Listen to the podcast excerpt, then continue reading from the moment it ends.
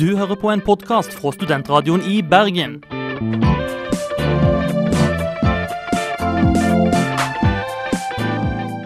Denne og mange andre flotte podkaster finner du på podkast.srib.no.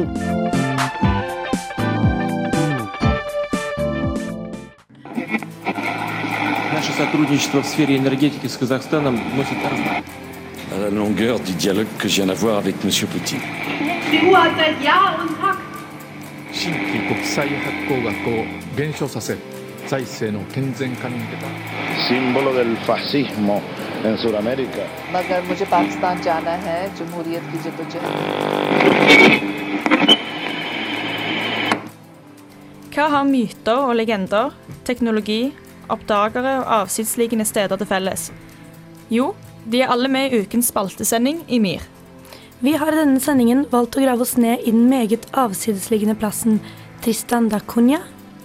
3000 km fra nærmeste bebyggelse klorer de seg fortsatt fast, de 263 etterkommerne etter åtte menn og sju kvinner som på 1800-tallet ankom en daværende britisk militærbase.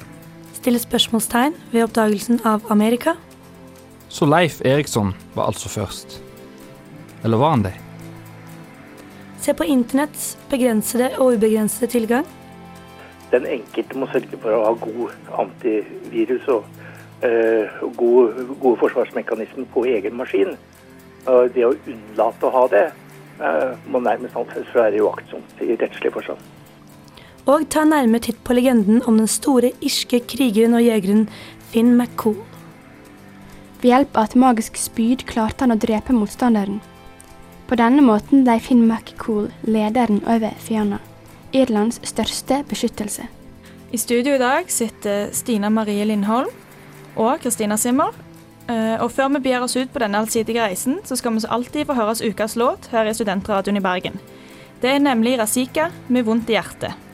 Razika ga oss der Vondt i hjertet, som er ukas låt her på Studentradioen i Bergen. Eh, Denne uka så kjører MIR en spaltesending. Eh, Det vil si at alle lager forskjellige spalter eller innslag som er basert på våre egne spesialfelt, som vi kan kalle det. Altså det som interesserer oss for spesielt. Ja, altså, De fleste aviser har jo en, eh, som regel en egen spalte, og de fleste radioprogram også, som er eh, et fast tema og, er med hver eneste uke. Og vi i MIR syns jo ikke vi kan være noe dårligere enn eh, de profesjonelle. Nei, for Vanligvis så har vi jo eh, sendinger som dreier seg rundt et tema, og så avslutter vi hver sending med en spalte fra en av våre medarbeidere. Mens eh, denne uka så kjører vi en full spaltesending. Så det blir altså en eh, veldig spredd sending som bærer sterkt preg av MIRs eh, interesseområder. Og da tror jeg vi hopper eh, rett inn i Åsgeirs favorittfelt, nemlig avsidesliggende steder. Han har eh, valgt å gi oss en grundig innføring i øygruppen Tristan da Cunha.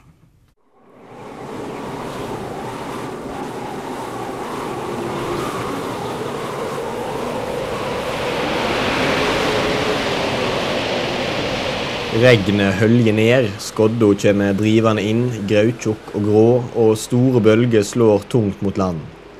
Og utenom dette er det lite som skjer på øya Tristan da Cunha midt i Atlanterhavet, midtveis mellom Sør-Afrika og Argentina. 3000 km fra nærmeste bebyggelse klorer de seg fortsatt fast, de 263 etterkommerne etter åtte menn og sju kvinner som på 1800-tallet ankom en daværende britisk militærbase.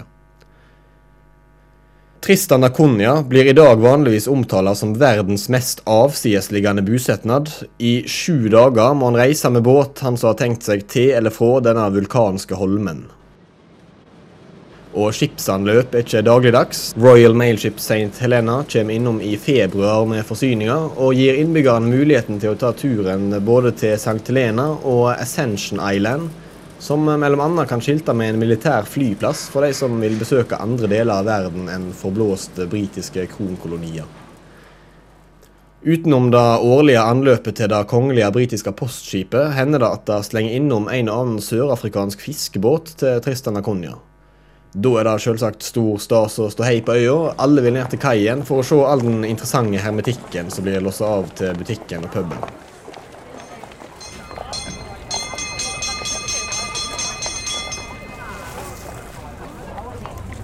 Men Tristan da har ikke alltid vært like avsides. Etter at Storbritannia annekterte øya i 1816 for å hindre Frankrike i å benytte henne som base for å befri Napoleon fra sitt fangenskap på St. Helena, ble Tristan da Cunha ei bunkringshavn for skip på vei fra Europa til Det indiske havet og det fjerne Østen. Skip kom hyppig innom, bl.a. for å fylle opp tankene med ferskvann. Men da Suezkanalen åpna i 1869, var det ikke lenger behov for ei havn i det sørlige Atlanterhavet, og Tristan da Cunha gikk inn i sin nye æra med bortimot fullstendig isolasjon. Og der befinner de seg stort sett ennå. Ikke før etter andre verdenskrigen ble penger introdusert for øybuerne. Før da var poteter det mest benytta betalingsmiddelet. Alle familiene på øya er nemlig gardbrukere.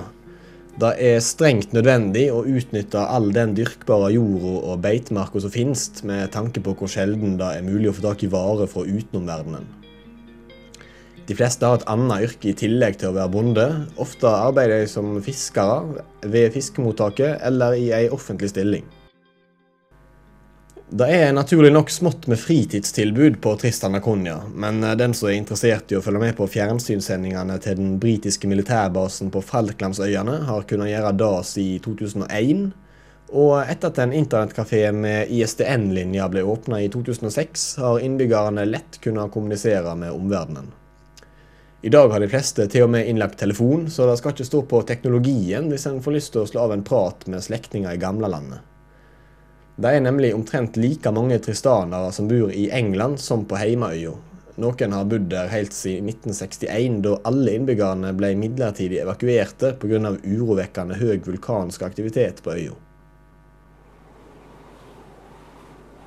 Tristan da Cunha må sies å være et eksempel på et helt samfunn som er som en levende museumsgjenstand fra tida da sola aldri gikk ned i det britiske imperiet. Teknologisk utvikling og samfunnsendringer i resten av verden gjorde at øya ble liggende fullstendig utfor allfarvei, og knapt nok tok del i de enorme endringene som fant sted i verdenssamfunnet på 1900-tallet. De aller siste åra har en rett nok sett en, utvikling i retning av økte muligheter for kontakt med resten av omverdenen, men eh, de enorme distansene og den lange reisetida gjør likevel at lite har forandra seg ved levemåten på øya. Og fortsatt virker det som om innbyggerne er fast bestemte på å opprettholde verdens mest isolerte bosetnad.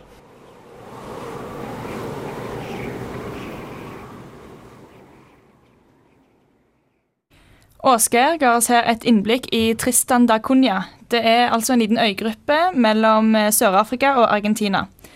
Uh, og jeg syns det er vanskelig å prøve å sette meg inn i en situasjon uh, og hvordan det er å bo så isolert som de gjør.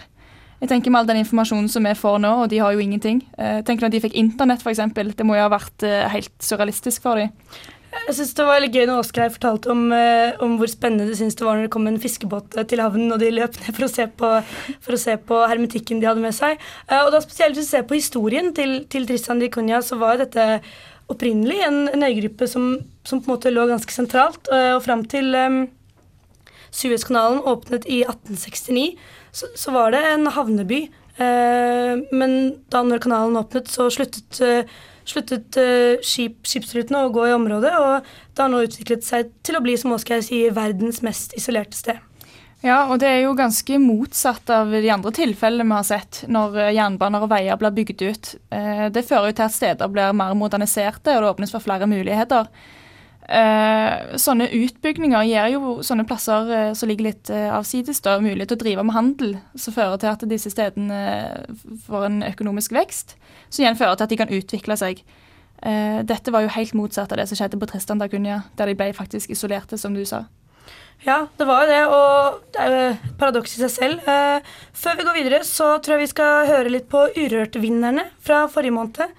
Det var Honningbarna med borgerskapets utakknemlige sønner. Der hørte du Honningbarna med borgerskapets utakknemlige sønner. Vi har spaltsending her i MIR i dag, og før sangen snakket vi akkurat om øygruppen Trista da Cunha, eh, som ligger veldig isolert i Sør-Atlanterhavet. Den ble faktisk oppdaget av eh, en portugiser med samme navn. Han har hatt en fryktelig lang tur på havet for å nå den øyen. I dag tar det hele syv dager med båt for å komme seg der. Og det er jo ikke løye at de der 300 beboerne får så lite besøk. Hvordan i alle dager er det folk finner fram til sånne plasser? Hvis vi ser tilbake i historien, så har det alltid vært eh, eventyrlystne seilere som eh, setter ut på eh, nye oppdrag. Det var faktisk ikke portugiserne som fant den øygruppen først. Det var en amerikaner ved navn Jonathan Lambert i 1810. Han ga derimot opp å bo på øya etter bare to år. Og det er klart det har jo satt store merker på, på disse oppdagende landene hvem som finner de, og hvem som velger å bosette seg der. Ja, vi snakket jo tidligere her i MIR når vi hadde eh, en, et, en romprogramsending, at eh, kappløp til månen f.eks. hadde store politiske konsekvenser. Eh, og det òg for hele verden.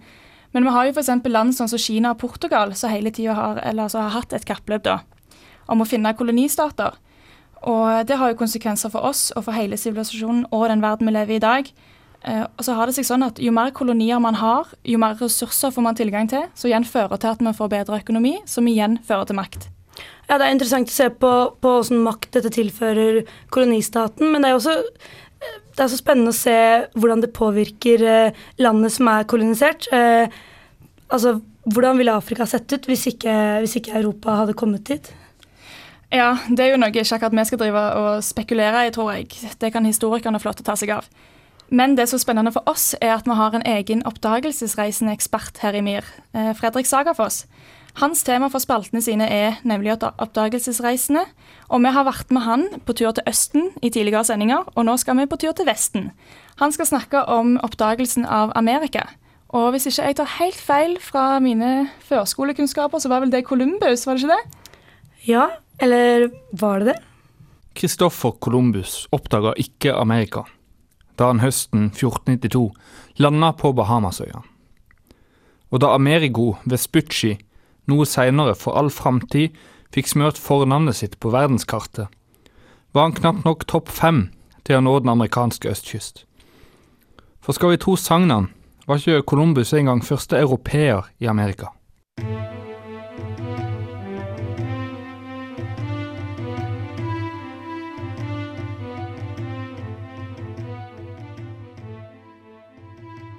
På 1960-tallet gjorde norske oppdageren Helge Ingstad funn på kysten av Newfoundland.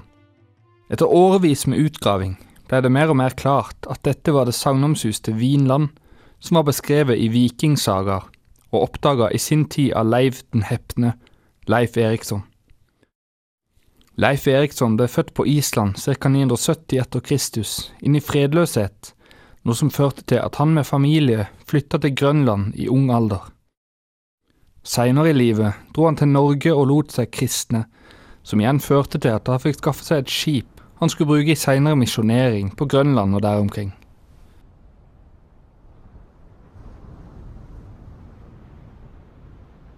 Tilfeldighetene ville ha det til at dette skipets tidligere eier het Bjarne Herjolfsson. Bjarne hadde tidligere på vei til Grønland kommet helt ut av kurs, seila flere dager i feil retning og i horisonten sett land han aldri hadde blitt fortalt om.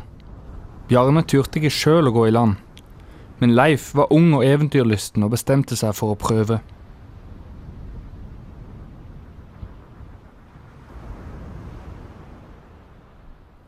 Etter å ha fulgt Herjolfssons rute langs kysten av Grønland, over til nordkysten av dagens Canada, sydover langs Labradorkysten, så Leif et fruktbart land, fritt for skog og fullt av fisk.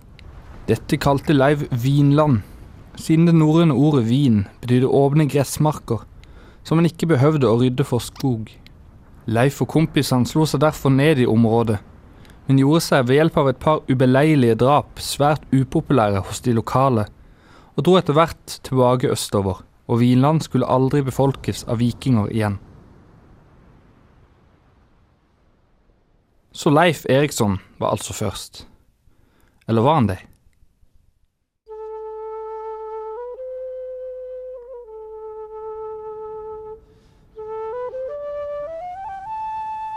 Sankt Brendan av Clonfert, en person du og jeg ikke vet så veldig mye om.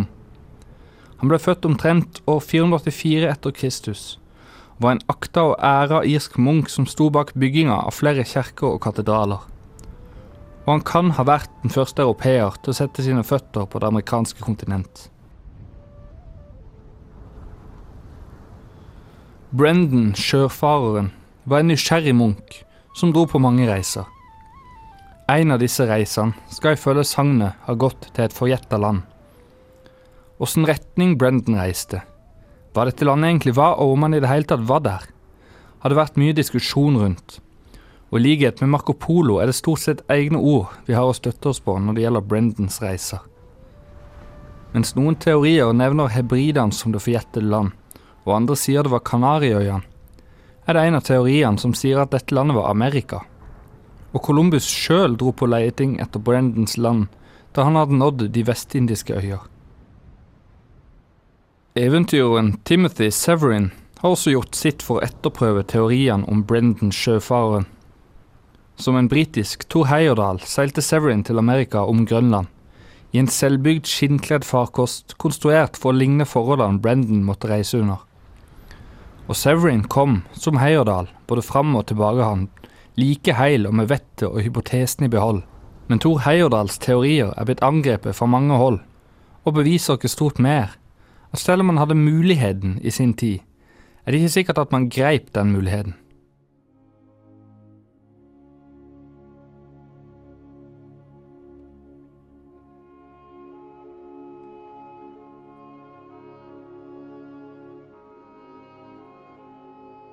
Uansett hvem som var først, var det hendelsene på slutten av 1400-tallet som virkelig åpna Amerika for europeisk handel og innflytelse.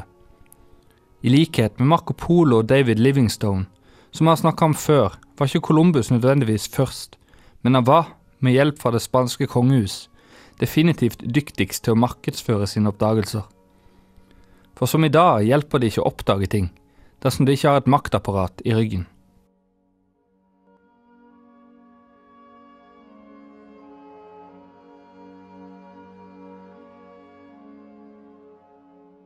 Over alle slike diskusjoner ligger den en eim av eurosentrisme.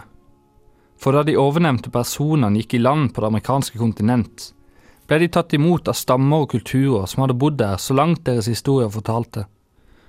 Og mens den europeiske sivilisasjonen spredte seg vestover og befolka hele kontinentet, ble de allerede eksisterende sivilisasjoner fordrevet og atomisert av sykdom og erobring. Så mens du kan diskutere hvem som oppdaga Amerika, så er det kanskje en like interessant diskusjon om Amerika i det hele tatt burde latt seg bli oppdaga.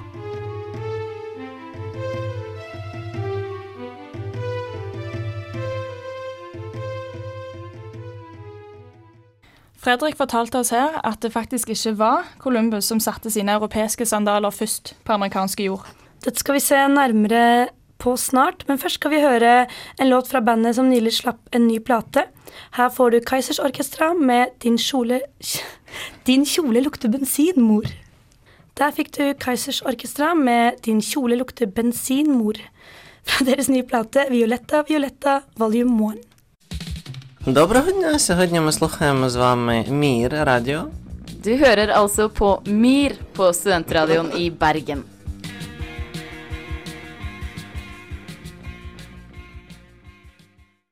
Vi har en spaltesending i dagens utgave av MIR, hvor hver medarbeider har utdypt seg i hver sitt emne. Eh, I den siste spalten så hørte vi Fredrik som tok for seg oppdagelsesreisene til Amerika. Kanskje noe av det jeg bet meg mest merke i i spalten til eh, Fredrik, var det han sa på slutten om at, eh, at, at Amerika kanskje ikke burde latt seg blitt oppdage. For det er jo veldig interessant å se på hvor mye av den opprinnelige, urgamle kulturen som var i USA, som europeerne har klart å, å viske vekk, hvis vi ser på USA sånn som det er i dag. Ja, altså Fredrik Spalte handler jo om oppdagelsesreisene, og det er jo disse som har åpna nye verdenshjørner for både kommunikasjon og handel. Men de har jo òg åpna for både erobring og krig. Ja, altså Enten om vi ser på po positive eller negative aspekter eh, ved de oppdagelsesreisene, så var det jo på en måte de som startet globaliseringen. Eh, og de har jo formet både de og utviklingen som, som eh, de oppdagelsesreisende og altså, mennesker som flytter på seg, har ført til, har jo formet den, det samfunnet og den sivilisasjonen vi lever i i dag. Og i dag så er jo informasjon om kulturer og nye steder over internett, og nå tenker jeg er det mer å oppdage? Ja, jeg tror ikke at, at dagens uh, oppdagelsesreisende saler hesten og rir lykkelig ned i solnedgangen til skuta si for å finne nye land. Uh, det er nok mer realistisk å si at de setter seg foran PC-skjermen og klikker seg inn på nettet. Eh, Du har jo forskere for eksempel, som har oppdaga verdens største beverdam, faktisk. Og verdens største korallrev. Og utdødde menneskelige fossiler. Og det er jo ganske spesielt. Ja, uansett hvor eh, interessant det er med beverdammer, så, så en annen, altså et annet aspekt ved internett som kanskje er enda viktigere, syns jeg, det er jo dette her med innsamling av informasjon som foregår. Eh, og i det siste så har det vært mye fokus på Wikileaks i media. Um, og det har jo ført til, til mer informasjon til folket, men også til store politiske konsekvenser. Ja, altså Det er jo én ting når forskerne skal drive og bruke den informasjonen til prosjekter, eller de skal spre nyttig informasjon. En annen ting er jo folk som har lyst til å innhente denne ved hjelp av ulovlige metoder, sånn som hackere f.eks. Nå skal jeg ærlig innrømme at min eh, kunnskap om eh, hacking er eh, rimelig begrenset. Heldigvis for oss i MIR så har vi en medarbeider, nemlig Asla Krødder, som er meget engasjert i dette emnet. Han har derfor valgt å lage det til sin spalte, som nettopp er teknologi og politikk. I denne uken skal han snakke om DDoS-angrep. Og tenker du som meg, hva i all verden er det? Så hør nøye etter. Her kommer et innslag om distribuert tjenestenektangrep. Er du en av de som hater det når programmer på datamaskinen har lyst til å oppdatere seg? Kanskje du ennå bruker Internett Explorer 6? Og når var det du sist sjekka om du hadde antivirus installert? Forhåpentligvis så kommer du til å kaste deg bort til datamaskinen din og dobbeltsjekke alt dette etter jeg er ferdig med dette innslaget. I de siste årene har man sett datakyndige ta større og større del i den politiske arenaen. Under Wikileaks-oppstyret ble f.eks. banker angrepet av hackere, og da spesielt hackergruppen Anonymous, pga. at de nekta å behandle overføringene til Julian Assange sin bankkonto. Nettsidene deres ble da slått helt eller delvis ut, sånn at det var nærmest umulig å bruke dem. Taktikken de brukte, kalles DDoS-angrep, eller distribuert tjenestenektangrep. Og jeg har kontakta Hans Peter Østrem i Symantec, et av de største IT-selskapene i verden, for å forstå hvordan dette fungerer bedre. Ja, Det er jo flere måter å gjøre dette på, men det vi har sett i en del tilfeller, det er jo at man benytter det vi kaller et botnett, altså en eh, rekke maskiner som man har tatt kontroll over ved hjelp av ondsinnet kode som er plantet på disse maskinene. Og så setter man i gang en eh, masse trafikk mot det nettstedet. Og så mye trafikk at det nettstedet ikke klarer å ta imot alle de henvendelsene det får, og dermed eh, blokkerer inngangen til, til det nettstedet. Det var den eh, enkle, folkelige eh, forklaringen på den, hvordan det gjøres. Og vi ser jo at dette har blitt gjort eh, flere ganger, eh, også i en politisk krigføring. Vi så det i Georgia-tvisten, hvor deler av nettverket faktisk eh, ble lammet. Og de viktigste stedene for å hente informasjon ble lammet fordi at det var mange som brukte denne type tjenestenektangrep mot de stedene. En av de mest brukte måtene på å sette sider ut av spill, er altså å bruke seg av et botnett. Dette botnettet kan ofte være konstruert av en enorm mengde datamaskiner som har blitt tatt over av programvare brukt av bl.a. hackere ved hjelp av inngangsportaler. Da gjerne såkalte trojanske hester, som har sitt navn fra den kjente greske myten om beleiringen av Troja. Din datamaskin, kjære lytter, kan altså være en del av et slikt nettverk, og vil da kunne defineres som en zombie-datamaskin. Jeg har òg vært i kontakt med Jon Bing, professor i rettsinformatikk ved Universitetet i Oslo. Men hvilket potensial har et uh, DDoS-angrep til å skade samfunnet vårt? Ja, Da settes jo denne tjenemaskinen ut av uh, spill. Dvs. Si at som, uh, de som er knyttet til tjenemaskinen for å utføre oppgaver, de vil ikke få tilgang til de funksjonene. Og det har, det har derfor potensielt stor skademulighet. Men er det mulig da å forandre informasjonen på disse sidene? Nei, i første rekke det man gjør i disse tilfellene som vi nå har nevnt, det er jo nettopp å hindre informasjonen å spre seg. Altså det å hente informasjon fra, fra de sidene. Altså man stopper alle de som ønsker å, å hente opp den siden. De vil se at du får ikke frem siden i det hele tatt. BBC rapporterer at opptil en fjerdedel av alle datamaskiner kobla til internett kan ha blitt infisert av programvare som gjør de til zombier i et botnett. Dette utgjør en seriøs risiko for selve internettet, mener John Markoff, en av de mer kjente teknologijournalistene i The New York Times. Hvordan kan man forsvare seg mot et sånt angrep? Ja, det, det, er jo en rekke eh, forsvarsmekanismer man kan ha. Eh, både det første, kanskje det viktigste, er på en webside å sørge for at den til enhver tid er oppdatert med den programvaren du kjører websiden på, at den er oppdatert. Eh, så at det ikke er huller i selve websiden som en angriper kan benytte seg av. Den enkelte må sørge for å ha god antivirus og uh, gode, gode forsvarsmekanismer på egen maskin. Det å unnlate å ha det må nærmest anses for å være uaktsomt i rettslig forstand. Så du må ha en eller annen form for brannmur eller annen type med installasjon som legger merke til at når du får en sånn økt frekvens av anrop, så avvises disse anropene. Du kan se det på adressene hvor de kommer fra, og kan kanskje da avverge at de anropene som kommer fra disse adressene, at de, de blir behandlet. Og slik verne den, den legitime trafikken. Og det var akkurat dette som skjedde etter Michael Jacksons bortgang i 2009. Det var da så mange som søkte på denne artistens velkjente navn at Google trodde det var et angrep på deres søkemotor. Utfallet var at man i 25 minutter hadde store problemer med å søke i Google, og Google News var helt ute av telling. Men hvordan foregår DDoS-angrep i et litt større politisk perspektiv?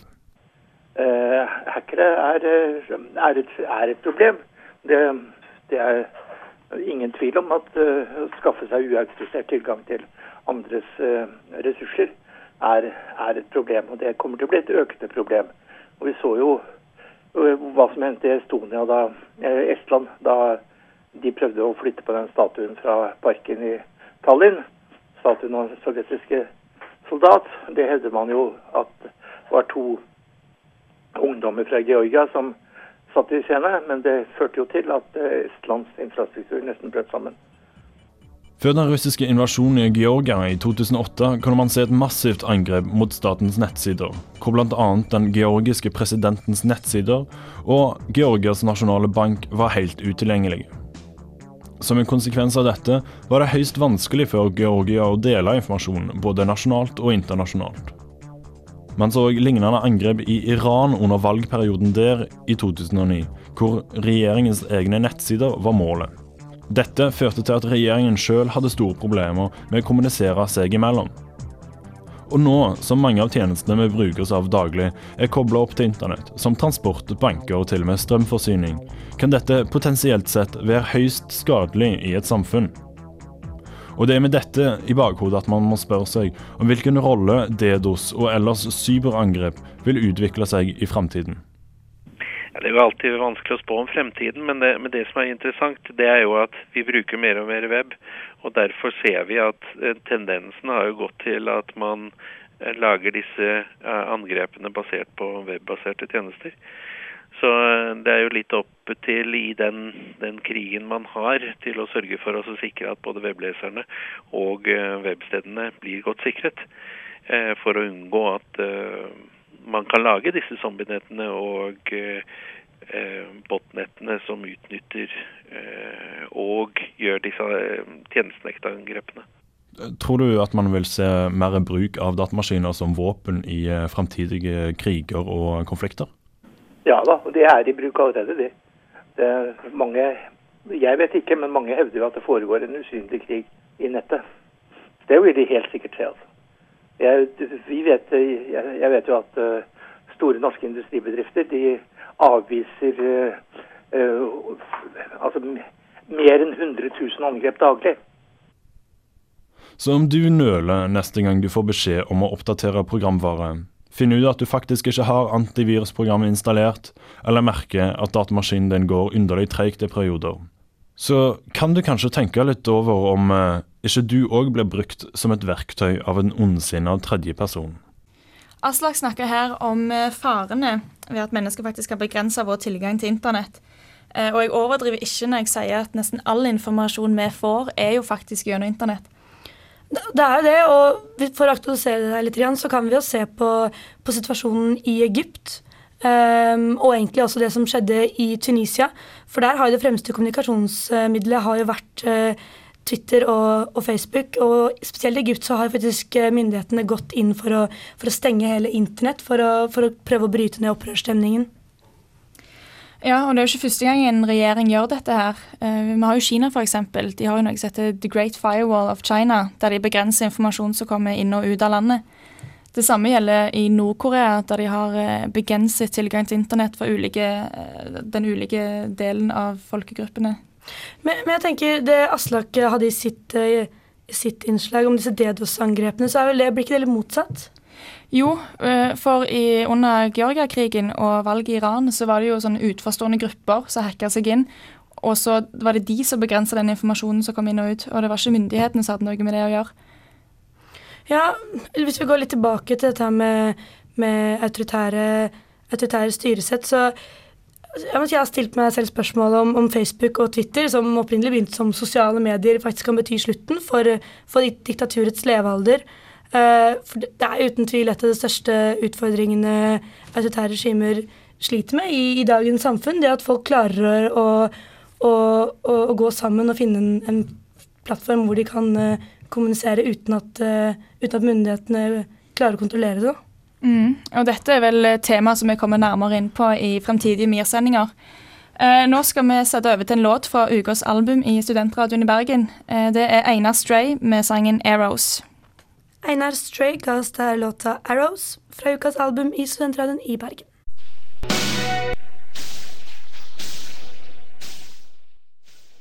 Jeg heter Bjørn Hansen, og jeg er en av lytterne på utenriksprogrammet MIR i Studentradioen i Bergen.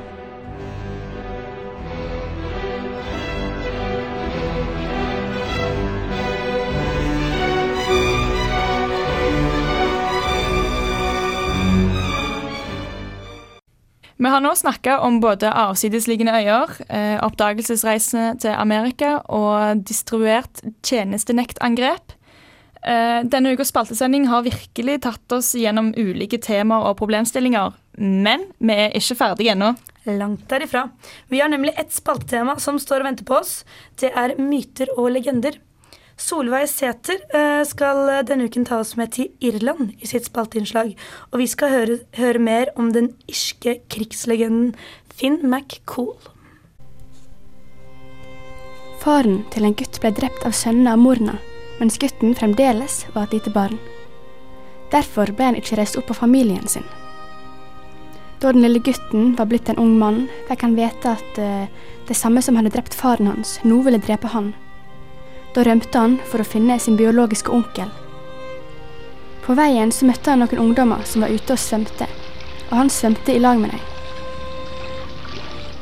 De andre ungdommene syntes han var så vakker og lys, derfor ga de han navnet Finn, som tyder lys i hud eller hår. Ifølge legendene var det på denne måten den store krigeren og jegeren Finn McCool fikk navnet sitt. Finn er kanskje en av de karakterene som blir brukt mest i irske legender. Vi kan høre om han og hæren hans, Fianna, i fortellingene som har navnet Fenian-syklusen. Etter at Finn hadde fått navnet sitt, reiste han videre for å finne onkelen sin. Onkelen ble fra seg av glede over å se han. Han lova at han og resten av krigerne i Fianna, som ikke ville kjempe under sønnene av Morna, skulle tjene han. Finn var takknemlig for dette, men følte at han trengte mer kunnskap. Derfor var han i sju år i lære hos profeten og poeten Finigas. Etter denne perioden reiste han for å ta over Fianna. For å greie dette så måtte han slå en mann med navnet Midna i kamp. Ved hjelp av et magisk spyd klarte han å drepe motstanderen. På denne måten ble Finn McCool lederen over Fianna, Irlands største beskyttelse.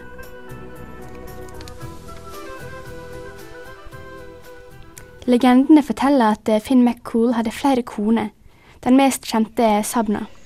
Han møtte henne en gang han og to hunder var ute og jakta. Det kom over ei hinne som oppførte seg litt rart. Finn tok derfor dyret med seg hjem. I heimen hans ble hinna forandra til ei vakker kvinne, Sabna. Hun fortalte at hun hadde nekta å være i lag med en mann.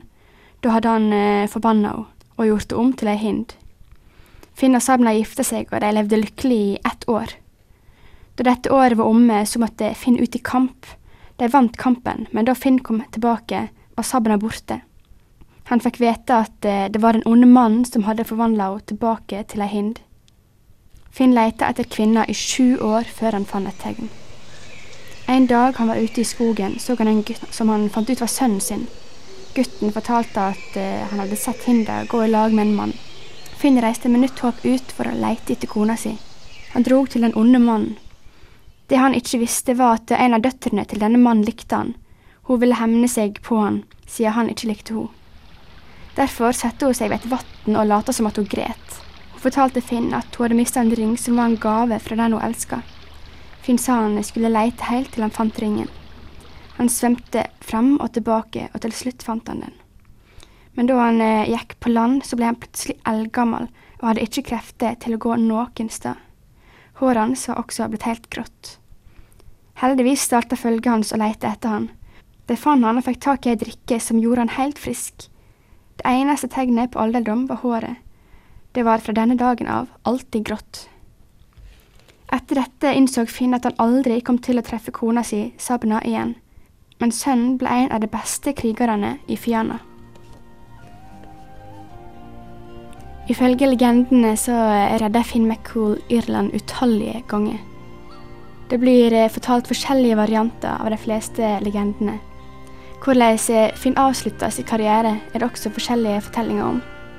I noen står det skrevet at eh, han er død, mens de andre blir sagt at han ligger i ei hule nær Dublin, og at han en gang, når Irland virkelig trenger hans hjelp, vil våkne og igjen gjøre store ting for landet.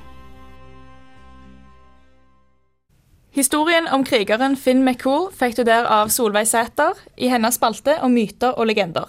Som, eh, som Solveig forteller, så har denne Finn McCool blitt en slags, en slags beskytter for Irland. Og jeg synes det er interessant å se på, på hva slags sagn og, og, myter som på en måte overlever i en nasjon. Eh, og for jeg føler at Det representerer jo på mange måter kulturen og idealene til denne nasjonen.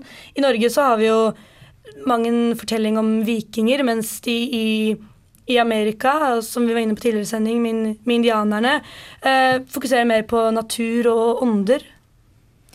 Ja, altså Her kan vi jo trekke en tydelig parallell til religiøse forbilder. Eh, måten religion og overtro er med på å samle et samfunn, er jo helt sentralt i en eh, nasjonsbygging. Eh, det skaper en eh, felles identitet som er vanskelig å rokke ved, selv for eh, autoritære ledere. Du kan jo si det, men samtidig så er det mange autoritære ledere som, som bruker dette for å for, for, å skape legitimitet da, eh, blant folket. I ytterkantene så finner vi de ekstremistiske ledene, lederne. Eh, og i Norge hvor vi har Vig, Vigrid, som, som, Solveig også har vært inne på tidligere i spalten sin, hvor hun faktisk intervjuet Tore Tvedt, eh, de kjører på med norrøn mytologi.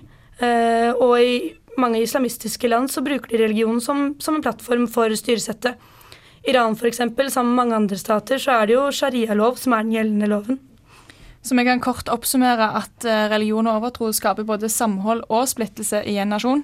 Det, det, tror jeg vi kort kan oppsummere med. Og med den oppsummeringen så tror jeg på tide å sette streken for denne allsidige sendingen av utenriksmagasinet MIR. I studio i dag satt uh, du, Kristina Simmer, sammen med meg, Stina Maria Lindholm. Uh, teknikeren vår har vært Aslak Rødder, og produsenten er Johan Dalen. Eh, hvis du har lyst til å høre denne sendingen på ny, så kan du gå inn på hjemmesidene våre, som er srib.no. Eh, der kan du òg laste ned på iTunes, eller klikke deg inn og høre den på RSS. Ja, Hvis du ikke vet hva RSS er, så fortvil ikke. Da kan du også sende oss en mail på umir.srib.no. Det gjelder også hvis du har spørsmål eller kommentarer til dagens sending. Etter oss så kommer Kinosyndromet, så heng på.